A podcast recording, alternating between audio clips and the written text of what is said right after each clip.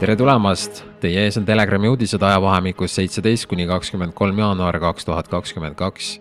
möödunud nädalal sai Telegram Terviseametist ja Sotsiaalministeeriumist kõnekad vastused mõndadele väga põletavatele koroonaküsimustele terviseamet, üheksakümne üheksal protsendil Covid-19-ga surnutest olid kaasuvad haigused ja kakskümmend neli protsenti olid vaktsineeritud. Telegramil õnnestus taas kord advokaat Robert Sarve abiga saada infot, mida riigiasutused Telegrami ajakirjanikele ei väljasta. seekord soovisime teada, kui paljudel Covid-19 tõttu surnud isikutel olid kaasuvad haigused selgus, et sarnaselt paljudele teistele riikidele olid kaasuvad haigused tervelt üheksakümne üheksal protsendil positiivsete koroonatesti saanud surnutest.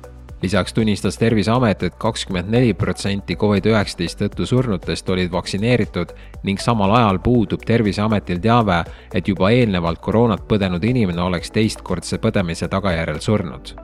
kas mantra vaktsineerimine kaitseb raske põdemise ja surma eest ikka pädeb?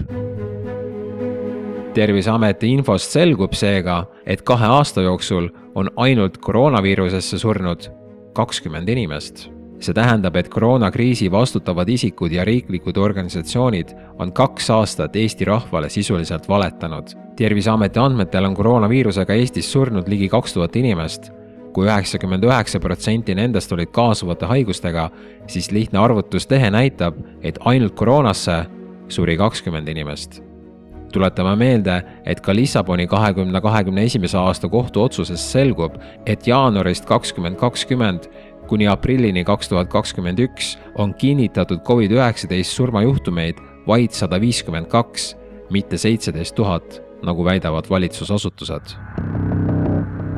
kuid ebatäpne pole ainult koroonasurmade statistika sotsiaalministeerium kinnitab, et koroona haiglaravi statistikas kajastuvad ka autoõnnetuses viga saanud inimesed. Telegram sai advokaat Robert Sarve abiga kinnitust kuuldusele, et üleüldises koroonaviiruse andmestiku haiglaravi statistikas kajastuvad ka muude haiguste ja vigastustega patsiendid sotsiaalministeerium kinnitas, et statistika kajastab nii neid, kes on haiglas Covid-19 tõttu, kui ka neid, kes on haiglas mõne muu põhihaigusega, kuid kaasuvaks haiguseks on Covid-19 sama kehtib ka intensiivravis viibivate Covid-positiivsete kohta.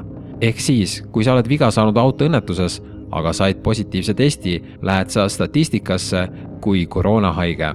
kui Terviseamet ja Sotsiaalministeerium pole suutnud kahe aasta jooksul oma statistikat korda teha, siis see tähendab, et tegemist on sihiliku rahvaga manipuleerimisega ja see on kriminaalne. kas tõesti ei leidu meie IT-riigis programmeerijad, kes suudaks andmestikku tekitada mõned lisaread? Peavoolumeedias ja ühiskonnas laiemalt jätkusid mõistusele kutsuvad sõnavõtud. kuigi riik on otsustanud sel aastal PCR testimisele kulutada veel sada miljonit eurot, leiab teadusnõukoja endine juht Irja Lutsar, et PCR testimist võiks vähendada me peame jõudma nii kaugele, et sellesse haigusesse suhtutaks nagu tavalisse viirushaigusesse, näiteks lõpetama lähikontaktsete inimeste eneseisolatsiooni, sõnas Lutsar. viroloog ütles ERR-ile koguni, et teda paneb imestama tohutu usk piirangutesse ning piirangutel lihtsalt piirangute pärast praegusel ajal ei ole enam mingit mõtet. Martin Kadai ütles aga, et Eestis on PCR testimisega üle võlli mindud. õiguskantsleri nõunik ja nakkushaiguste ekspert Martin Kadai ütles, et toetab massilise PCR testimise lõpetamist, kuna seda ei ole ole inimeste ravimisel vaja ning seetõttu pole see ka kuluefektiivne vahend. ja tal võttis pea kaks aastat aega, et sellest aru saada. no hea, et nüüdki. majandusajakirjanik Liina Laks kirjutas Postimehes, et pandeemia on läbi ja piirangud praegusel või igasugusel kujul on mõttetud, kahjulikud ja ebademokraatlikud ja põletavad aina rahva raha, mida saaks kasutada sellesama rahva ravimiseks.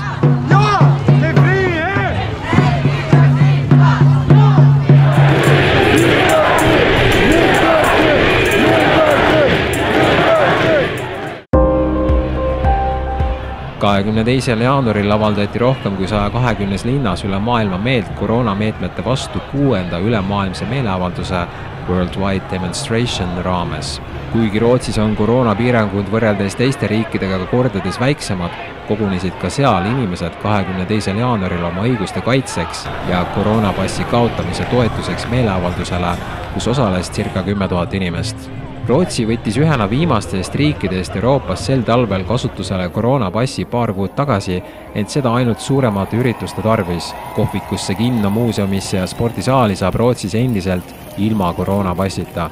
Maski soovitatakse alates jaanuarist kasutada ainult täiskasvanutel ja vaid ühistranspordis tipptundide ajal. poes ja mujal siseruumides kellelgi maski kandmise kohustust ei ole. Idag säger nej till vaccinpass! Eesti Väike- ja Keskmiste Ettevõtete Assotsiatsioon EVEA saatis Vabariigi Valitsusele pöördumise, milles tehakse ettepanekud hüvitada kahju koroonakriisi meetmete ja piirangute tõttu kannatanud ettevõtetele ning lõpetada sisutud koroonapiirangud. piirangute kohta võttis sõna ka Maailma Terviseorganisatsioon WHO, öeldes, et piiride sulgemine võitluses Covid-19 vastu on ebatõhus Ühendkuningriik leevendab koroonapiirangud, lisaks muule kaob maskikohustus ja lõpeb ka koroonatõendi nõudmine suurtel üritustel. peaminister Boris Johnson teatas, et piiranguid leevendatakse, kuna valitsust nõustavate teadlaste hinnangul on omikroniga kaasnenud nakatuslaine tipp möödas. We will end the compulsory use of COVID status certification in England. The government will no longer mandate the wearing of face masks Soome terviseameti DHL terviseohutuse direktor Miga Salminen avaldas arvamust, et koroonapass ei takista viiruse levikut ning selle kasulikkust tuleks ümber hinnata ka Euroopa Liidus. Salmineni sõnul võib koroonapassi kasutamine avalike teenuste juures lausa epideemiat kiirendada, sest selle kasutamise juures kaasnevad ka erinevad kontaktid. lisaks ütles ta, et põhimõtteliselt vaktsiinivastaseid inimesi koroonapassi nõue vaktsineerima ei pane koroonasse haigestumist ei peata isegi neli vaktsiinidoosi, selgub värskest Iisraeli uuringust. Sheba haigla uuringust tuleb välja, et koroona omikron tüvega võivad haigestuda isegi neli doosi saanud inimesed. A study from Israel found that a fourth dose of the Pfizer BioNTech vaccine was not enough to prevent infection by the Omicron variant.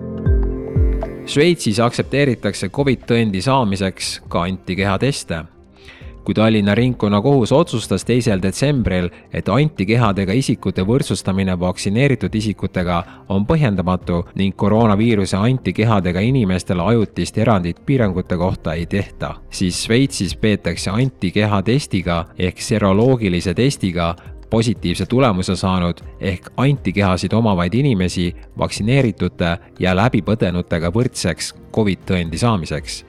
millal me järgi jõuame?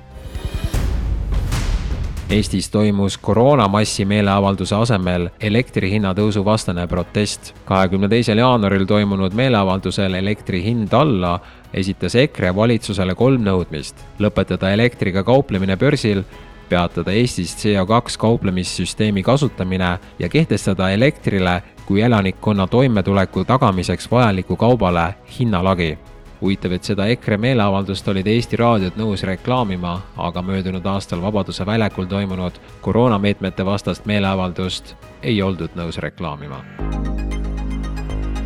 nobelist Luc Montagnier, vaktsineerimata inimesed päästavad inimkonna viroloogia Nobeli preemia laureaat Luc Montagnier pidas Itaalias Milanos toimunud niinimetatud rohelise passi ja tervisediktatuuri vastasel meeleavaldusel kõne, kus teatas, et vaktsineerimata inimesed päästavad maailma ja vaktsiinidest pole absoluutselt mitte mingit kasu. see on võitlus bakterite ja viiruste vahel, mida saab võita õige toitumise ja hügieeniga.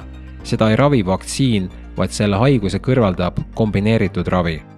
selle asemel, et kaitsta võivad need vaktsiinid isegi soodustada muid nakkusi, ütles Montagnier ja lisas, et vaktsineerituid saavad päästa vaid vaktsineerimata inimesed. Cancel üheksateist ehk lõpetame ise koroonapiirangud.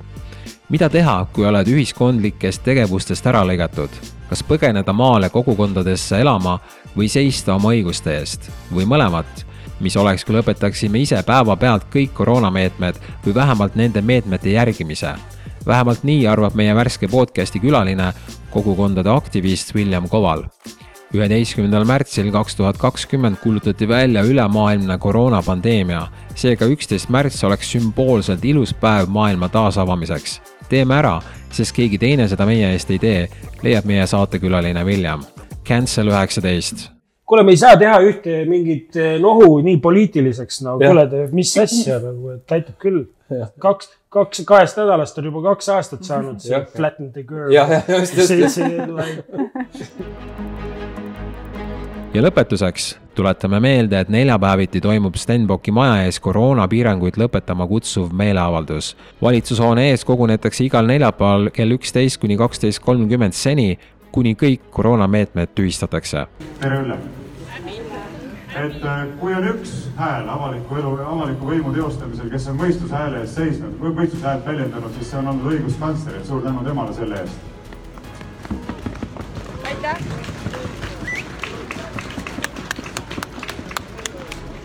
aga me teame, et Rootsis ei ole mitte midagi hullu juhtunud, olukorras, kus ei ole selliseid absurdseid piiranguid kehtestatud ja selle tõttu me saame ka väga selgelt vastata nendele inimestele, kes meile ütlevad, et ilma nende piiranguteta meil oleks siin apokalüpsis saabunud, et te lihtsalt ajate jama suust välja.